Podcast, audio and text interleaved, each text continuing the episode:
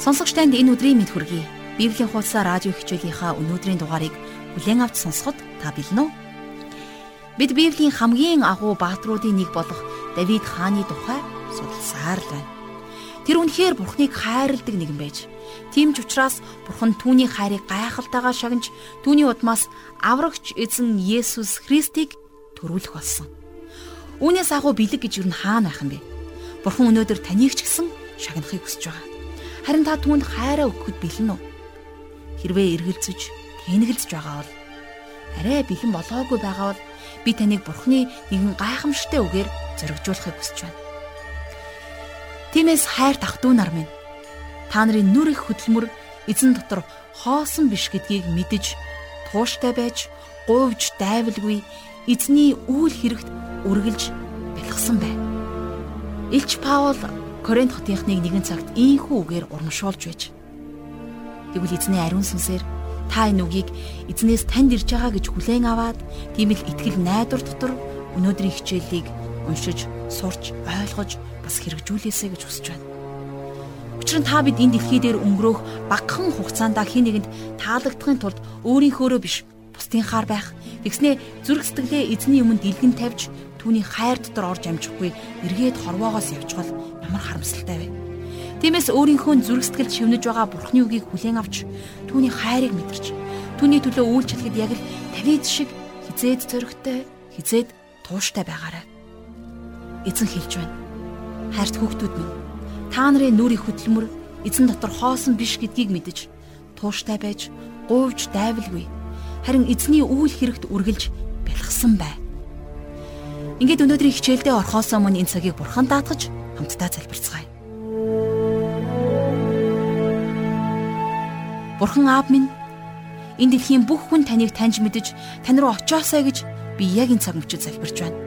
Танд итгэдэг, үйлчлэхээр хүсэж тэмүүлж байгаа итгэгчид таны сонгосон хүн Давид шиг яаж болох вэ? Зүрх сэтгэлээрээ, үннээр бас даруй дуулууртай байдлаар бид Давид шиг байж таныг алдаршуулж, таныг хүлээн аваагүй байгаа тэдгээр хүмүүст үлгэр жишээ болохыг хүсэж байна. Их эзэн Есүс Христэ бидний дунд ирж бидэнд өөрийгөө бүрэн зориулсан шиг бид танд бүх хайраа зориулахад та туслаарай. Хичээлийн энэ цагийг бид таны мотор даатгаж Есүс Христийн нэрээр залбирanгуйж байна. Амен.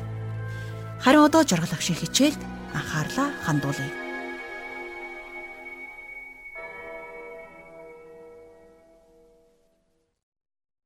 За өнгөрсөн хичээл дээрээ бид хамтдаа Бурхны Давидтай байгуулсан нэгэн гайхалтай бөгөөд мөнхийн гэрээний тухай үзсэн.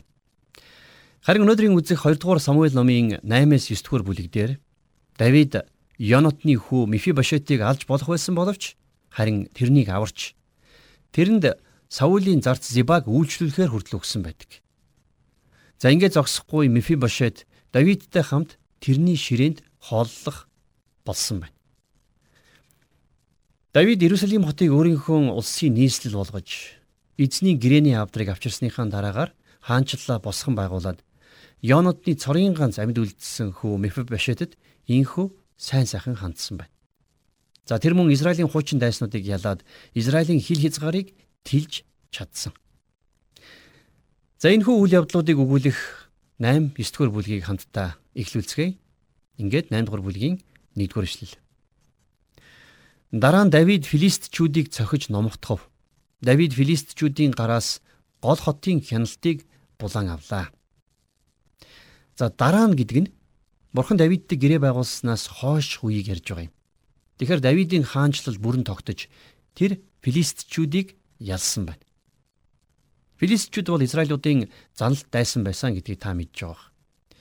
Давид тэднийг зөвхөн Израилийн нутгаас хөөн гаргаа зогсоогүй нутгийнхаа хил хязгаараас ч бүр хол зайлуулдаг. Филистчүүд Израилийн ялангуяа өмнөд хэсэгт нэлээд их газар нутгийг эзэлсэн байсан. За энэс гадна Давид Зобагийн хааныг ялсан тухай за 8 дугаар бүлгийн 4 дугаар эшлэлдэр ингэж бичсэн байна. Давид түүний 1700 морин цэрэг 20 мянган явган цэргийг олзлон авчээ. Давид 100 тэрэгний мордыг үлдээгээд үлдсэн бүх тэрэгний мордын шүрмсийг тасджээ гэсэн байна. За тэгэхээр Зобагийн хаан Хадидизар Ефрат мөрнийг хүртэл тэлсэн хаан тустай байсан. За Зоба гэдэг нь эртний армын үндэстэн байсан. Давид тэрнээс мянган морин тэргийг булан авсан. Маш цөө мордыг үлдээгээд бусдыг нь аваагүй гэж дээр бичсэн байна. Тэгэхээр дид хууль номон дээр бурхан таадыг морд болон ихнэрүүдэд ошруулахгүй байхыг тушаасан байдаг. Давид олон ихнэрүүдтэй байсан ч гэсэн мордын тал дээр эзний зааврыг дагсан нь харагдаж байна. Харин тэрний хүү Соломонд олон морд за бас олонч ихнэр байсан. За энэ 8 дугаар бүлэг дээр тухайн үеийн дүрслэл за мэдээллийг маш нарийн гаргадаг. А гэхдээ Давидын эзэлсэн газруудыг газрын зургаар нь судлах юм бол илүү сонирхолтой байдаг юм. Тэр Израилийн газар нутгийг маш том болгонд хилсэн. За өмнө зүгт Филистийн нутаг руу нэвтэрч газар нутгаа тэлээд за зүүн зүг рүү болохоор Муабын нутаг руу. За Сир, Идомд цэргийн ангиудаа байрлуулж байсан. За тийм учраас Сир, Муаб, Амон, Филистин за бас Амалекчууд Давидын удирдлаганд орж тэрэнд татвар төлдөг болсон юм шиг байна. За 8 дугаар бүлгийн 13-аас 14 дугаар ишлэлийг харъя. Давид нэрээ дуурсгав. Тэрээр буцахдаа 18 мянган арамчуудыг давст хөндийд хядав. Тэрээр Идомд цэргийн ангиудыг байрлуулав. Бүх Идомд цэргийн ангиуд байрлуулснаар Идомчууд бүгд Давидын зарц болсон. Тинхүү эзэн явсан газар бүрт нь Давидад туславаа гэж. За зүгээр энэ хоёр ишлэлээс Давидын сүр хүчний тухай ойлгож болно. Давид баруун өмнөд зүг, зүүн өмнөд, за бас хойд зүг рүү хил хязгаараа тэлж Израилийн хаант улсыг томсгож байна. Харин хилийн баруун талд газрын дундад тэнгис байрлаж байсан. За 15 дугаар эшлэлдэр ийхүү Давид бүх Израилийн хаан болж ард түмнээ Давид зөв шударгаар засгалваа. Гайхалтай. Үнэн дээр Давид хүмүүстэй зөв шударга ханддгаараа нэр алдартай байсан. Тийм учраас тэрний хаан тус гайхалтайгаар өсөн тэлсэн юм. Давид Израиль улсыг хөгжлийн оргилд нь аваачиж тухайн үеийн хаан тулсуудын дундах гол төв болгож чадсан. За энэ бүлэг дээр бас Библийн хамгийн сэтгэл хөдлөм төвхүүд ч гэсэн гарна. За энэ түүхэн Давид ямар агуу сэтгэлтэй нэгэн байсныг илчлэн харуулдаг. А гэхдээ хүмүүс бид нар Давидын алдаа дутагдлыг олж хармагцаа шүүмжилцгээдэг. За энэ нь яалтчгүй гим нүгэлт хүний төрлөх чанараас шалтгаалдаг шүү дээ. Жишээлх юм бол бидний өмнө нэг том цагаан дэлгэц байлаа гэхэд тэнд туссан жижигхэн хар толб бидний анхаарлыг шууд татна. Бүхэл бүтэн цагаан дэлгэц байхад өнөөх жижигхэн толб бидний нүдэнд харагдсаар л байна. За тэгвэл Давидын амьдрал яг л энэнтэй адилхан. Тэр нүгэл дунаж нилээд том алдсан. А гэхдээ бид нар Давидын сайн талд нь илүү өргөл төгч, илүү анхаарч үзэх хэрэгтэй. Нэг хүн сайн муу зүйлсийн талаар хэлэхдээ бидний дунд хамгийн адгийн нэгний дотор дэндүү их сайн зүйлс байдаг. Харин бидний дунд хамгийн шилдэгүүдийн дотор дэндүү их муу байдаг учраас бид нэг нэгнээ муучлах хэрэггүй гэж хэлсэн байдаг. За яг л ийм учраас бид нар Давид хааныг шүүмжлэн харж байгаа бол энэ хандлага өөрчлөх хэрэгтэй гэж хэлмээр байна. Давидын урт амьдралд маш олон гэрэл гэгээтэй зүйлс байгаа. Тэр анх хончин хүү байхдаа авраг Голиатыг ялж байсан үеэс эхлүүлээд мэрэгэн ухаанаар дүүрээд үтл насандаа тэрээр эзэн бол миний хончин надад дутах зүйл нэгч үгүй гэж бичиж байсан. За тэгэхээр одоо бидний эхлүүлэх гэж байгаа бүлгээс бид нэр Давидын гэгээлэг сайн зан чанаруудыг олж хараад хамтдаа суралццгаая. 2 дугаар Самуэль номын 9 дугаар бүлэг дээр Мефи Бошетийн түүх гардаг. За Мефи Бошет бол Саулийн ач хүү, за Йонотны төрсөн хүү байсан.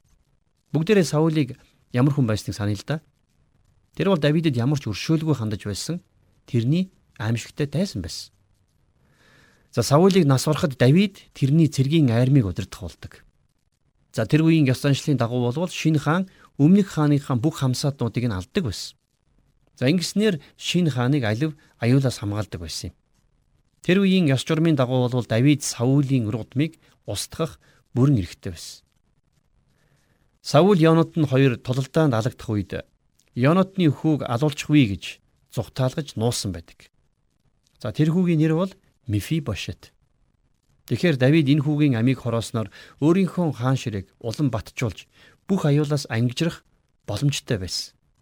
Гэхдээ Давид Мефибошетэд хүрээгүй. Хамтдаа 2 дугаар Самуэль номынхон 9 дугаар бүлгийн 1-ээс 4 дугаар ишлэлийг уншицгаая. Дараа нь Давид Саулийн гэрээс амьд үлдсэн хүн байхгүй юу? Би Йонотны төлөө тэр хүнд инэрл хайр үзүүлэх юмсан гэв. Тэгтэл Зиба нэрт Саулийн гэрийн зарц байсныг Давид дээр дуудан ирүүлв.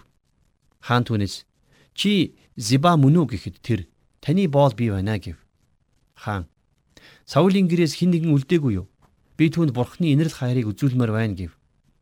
Зиба хаанд Йонотны хүлгүй нэгэн хүүн би гэв. Хаан түүнээс тэр хаан байна вэ гэж асуухад Зиба хаанд харахтун Лодибарт байдаг Амиелийн хүү Махирийн герт тэр байна гэж хариулваа. За Саулийн зарц байсан Зиба гихч Мефибошетийн нуугдж байсан газрыг инхүү илчлэн хэлсэн байна. За ингэснийхэн төлөө Давид тэрнийг алжж мэдэх байсан. А гэтэл Давид бас л ийм зүйл хийгээгүй. За 5-аас 6 дугаар эшлэл дээр тэгээд Давид хаан хүн илгэн Лодибараас Амиелийн хүү Махирийн гэрээс түүнийг авчруулав.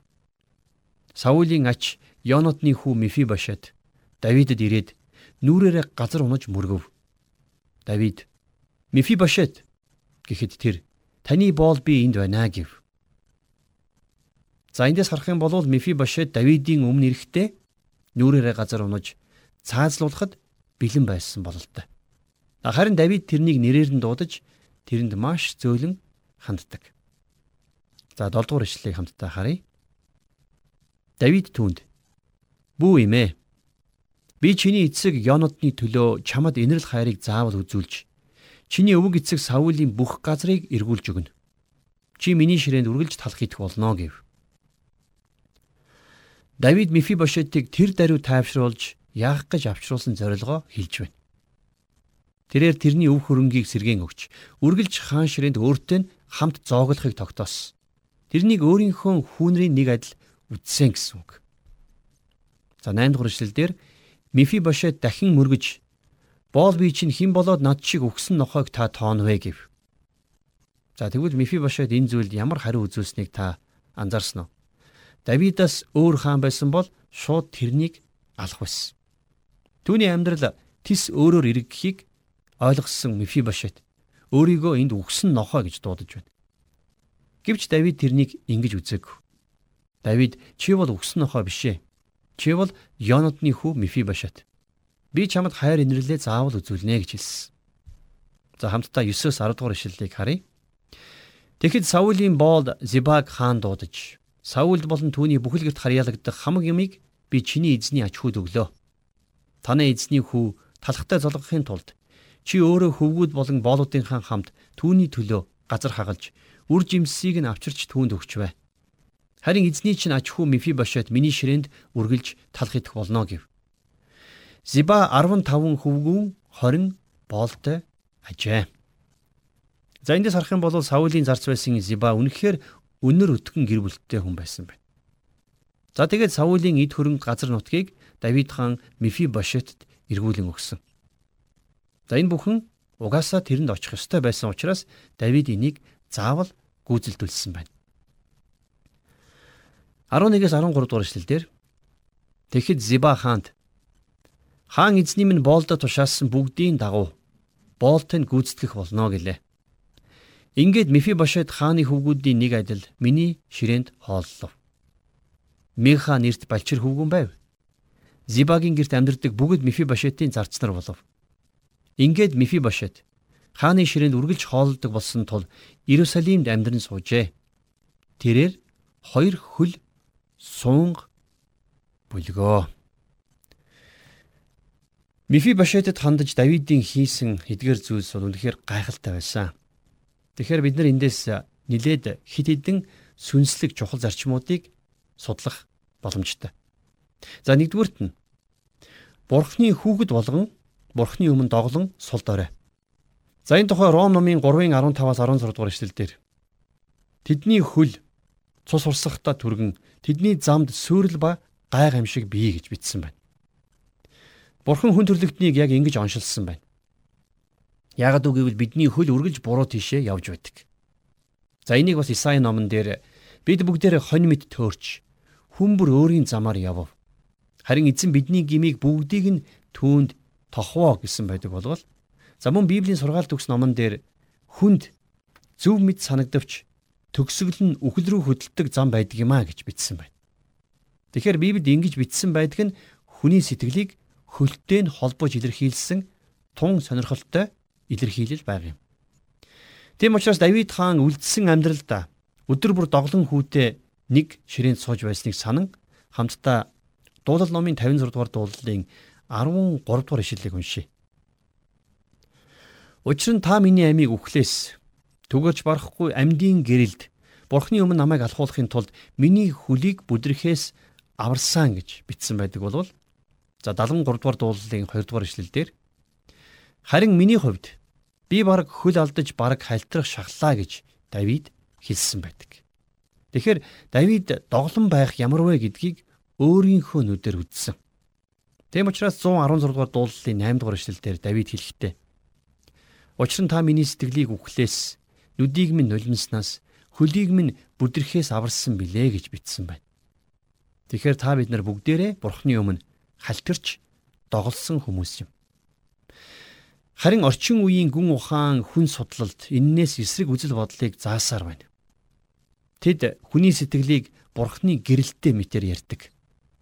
Харин Бурхан энийг Иремай номын 17-гийн 9-р эшлэлдэр зүрх бол бүх зүйлээс илүү хуурамч бөгөөд эдгэрчгүй өвчтэй юм үүнийг хэн ойлгож чадах вүлээ гэж хэлсэн байдаг. Тэгэхээр хүний зүрх сэтгэлээс муу бодлууд урган гардаг болохоор тэнд сайн зүйлс гэж огт байдаггүй. Ер нь бол хүний төрлөх чанараас ямар ч сайн зүйл олох боломжгүй гэсэн үг. Илч Паул энийг хожим ингэж тодорхойлон бичсэн байдаг. За Ром номын 7-гийн 18 дээр Учир нь миний дотор буюу мах бодод минь ямар ч сайн зүйл байдаггүйг би мэддэг. Учир нь миний дотор хүсэл байвч харин сайныг хийх нь үгүй гэсэн байна. Эндээс харах юм бол Паул өөрийнхөө махан биеинд найддаггүй байсан. Тийм болохоор хууль биднийг зөвхөн гим нүгэлтэй гэж ялалдаг. Харин Иохны 14-ийн 6 дугаар ишлэлдэр би бол зам, үнэн ам мөн. Хинч надаар дамжилгүйгээр эцэгт хүрэхгүй гэж Есүсийн хэлсэнчлэн бид нар зөвхөн энэ замаар бурхан дээр очих юм бол тэр биднийг хүлээж авах болно. За Давидын Мефибошетод хандсан хандлагаас суралцах хоёр дахь сургамж юу вэ гэвэл энэ үйл явдал энэ гайхалтай түүхийн нэгэн сонирхолтой тал. Давид энэ хүүг таньдаг байсан. А гисэн ч тэр өөрийн хайртай байсан дотны янд Йонотныхаа төлөө Мефибошетод хайр инэрлийг үзүүлсэн. Давид Мефибошетыг харахтаа доглон хүнийг биш харин Йонотныг харж байсан. Тэр Йонотонтой гэрээ байгуулсан. Тэгэхээр сул дорой болсон энэ хүнд үзүүлсэн бүх хайр инрэл нь тэр хүүгийн төлөө байгааг харин өөр хин нэгний төлөө байсан байна. Ягд үг гэвэл Йонотон Давидын хувьд ямар чухал хүн байсныг бид өмнөх хичээлүүдээс үзсэн. Тэгээд Йонотны үхлийн тухай мэдээ ирэхэд Давид тулалдааны дунд бааtruуд хэрхэн унаав вэ? Өндөрлгүүд дээр чинь Йонотон нэвт харуулan хөвтөж буй. Ах Йонатан минь, таны төлөө би зовн шаналж байна. Та намайг бүхнээс илүү хайрладаг байлаа. Таны хайр надад бүсгүй хайраас илүү гайхамшигтай байлаа гэж Давид дуу алдан бичсэн байна.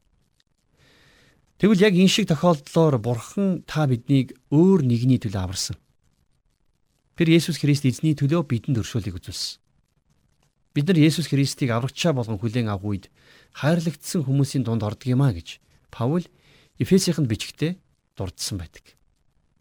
За ингэж бурхан та биднийг Христийн дотор олж харахтаа биднийг цагаатгаж хүлээн авч авардаг юм. За 3 дугаарт нь Давид Мефибошетийн доглон байдлын талаар юу ч хэлээгүй.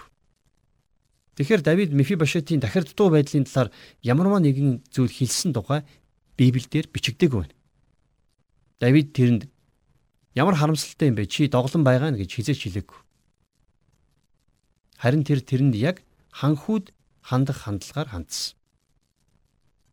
Мефибошет хааны ширээнд сууж тэрний хөл тансаг давуугаар хожигдсан байсан. Тэгвэл яг энэтэй адилханаар та бидний гим нүглийг Христийн цусаар угаасан учраас Бурхан бидний гмийг мартдаг. Тэгэхээр Бурхан биднийг уучлж болох цорын ганц зам бол Есүс Христ.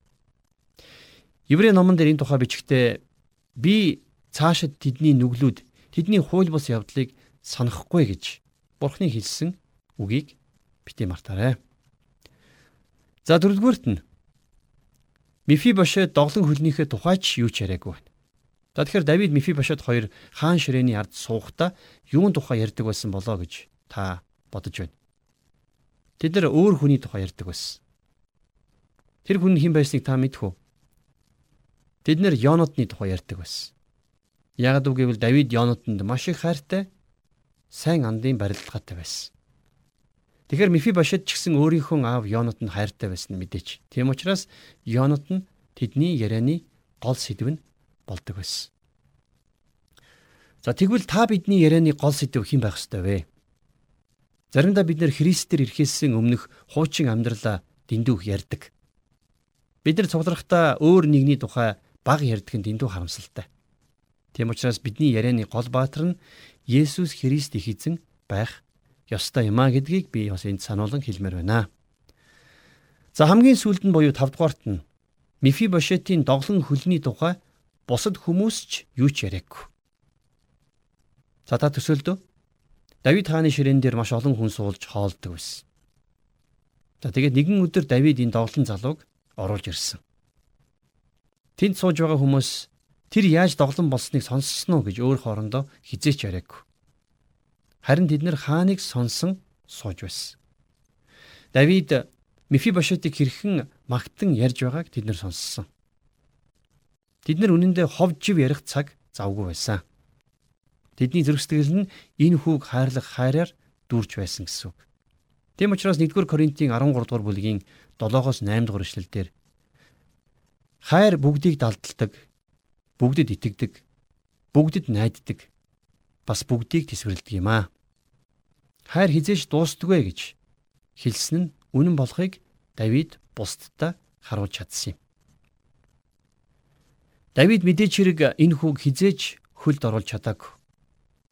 Хэрвээ та өөрийн хүчээр бурханд таалагдахаар амьдрч чадахгүй байгаа бол Есүс Христ эзэн рүү хандаарай.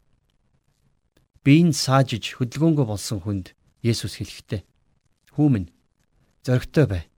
Нүгэл чинь уучлагдсан. Босоод алах гэж хэлсэн байдаг." За мөн Илч Паул Эфесийнханд бичсэн загтлынхаа 4-р бүлгийн 1-ээс 2-р эшлэлдэр Иймд та нар Дуудагдсан тэрхүү дуудлагада зүй зохистой явахыг эзний хоригдл болсон би хичээнгүлэн ятгая. Ингэхдээ аливаа төлөв даруй байдлаар бөгөөд дүлгөөн сэтгэлээр хайр дотор бие бие хүлцэн төвчээрэй гэж ятхан бичиж байсан.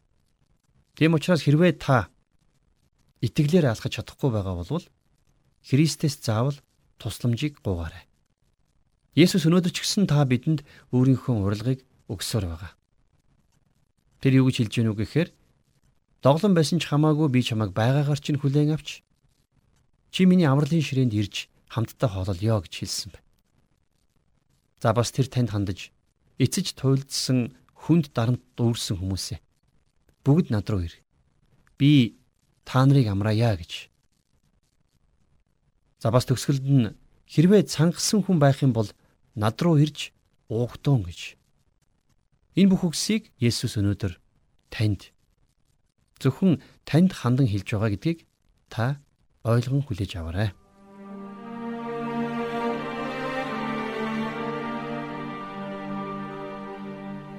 Тэгэхээр энэ бүлэг бурхны агуу ариун хайрын гол дүрийг Давидын үйл хэрэг үгээр дамжуулан бидэнд хүргэлээ.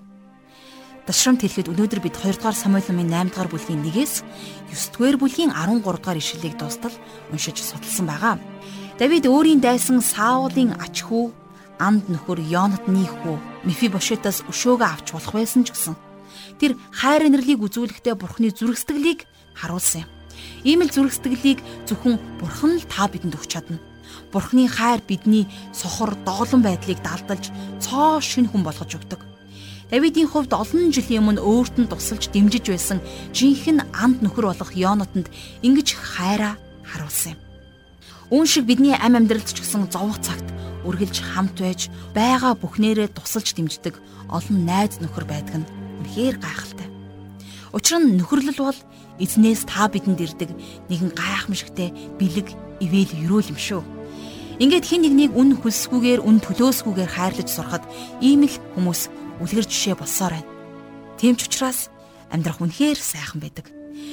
Тэгвэл энэхүү сайхан орон зайдаа бурхныг багтааж түүний хайрын дотор урсан одох өдөр бүрийг өнгөрөөх нь маш чухал юм. Хичээлийн төгсгөл Давид хааны дуулсан нэгэн магтуугаар энэ цагийг өндөрлөхийг хүсэж байна. Өрн дорноос хол байдаг шиг тэр бидний алдаа зурчлыг биднээс тийм холдуулсан юм аа. Амен. Давид хаан бурхныг ийхүү алдаршуулан дуулж байна. Өрн дорноос хол байдаг шиг тэр бидний алдаа зурчлыг биднээс тийм холдуулсан юм аа. Давидын удмаас төрсэн эзэн Есүс Христ алдарш болтгой. Учир нь түүний хайр, хайрын үйлчлэл, түүний загалмаа дээрх үхэлд, мөн түүний 3 хоногийн дотор амилсан амьлалт нь бидний алдаа зурчлыг биднээс тийхүү холдуулж чадсан юм. Эзэн алдарш болтгой. Хичээлийн төгсгөлд Энэ цагийн төлөө бурханд талархаж хамтдаа залбирцгаая. Гайхамшигтай бурхан Аава таньда талархаж байна. Таны агуу хайрын төлөө бид бүх алдар магтаалын дээдийг өргөе. Өнөөдрийн сурсан үг тэрл итгэмжид үгсээртэн дамжуулан бид хором цаг мөч үрт таны хүслийн дагуу сонголт хийж таны хайрын дотор амьдрахад та бидэнд туслаарай. Бас таны өмнө тааламжид амьдралаар амьдрахад та бидэнд хүч хийгээд нэг үүслийг дүүргэж өгөөрэй. Учир нь шинэ гэрээнд бичсэн байдаг. Тэр цагийг ойртох тусам бид үргэлжлүүлэн хамтдаа цуглахаа умардахгүй байхад бас тэр цагт таныг ирэхэд таны өмнө бидний зүрх сэтгэл, бидний амь амьдрал толбгүй өө сэвгүй олдохын төлөө бид танаас хичээнгүлэн гуйж байна. Библийн хуудасаа радио хичээлээр өдөр болгон сурч судалж байгаа үгсээр дамжуулан эзэн тантай нөхөрлөх нөхөрлөөр дамжуулан та биднийг тийхүү цоошин болгон өөрчилж өгөөрэй. Бүх зүйлийн төлөө таньда талархаж их эзэн минь ээ та бидний амь амьдралаар дамжуулан алдар шаач гэж Есүс Христийн нэрээр залбирanгуйж байна. Амен.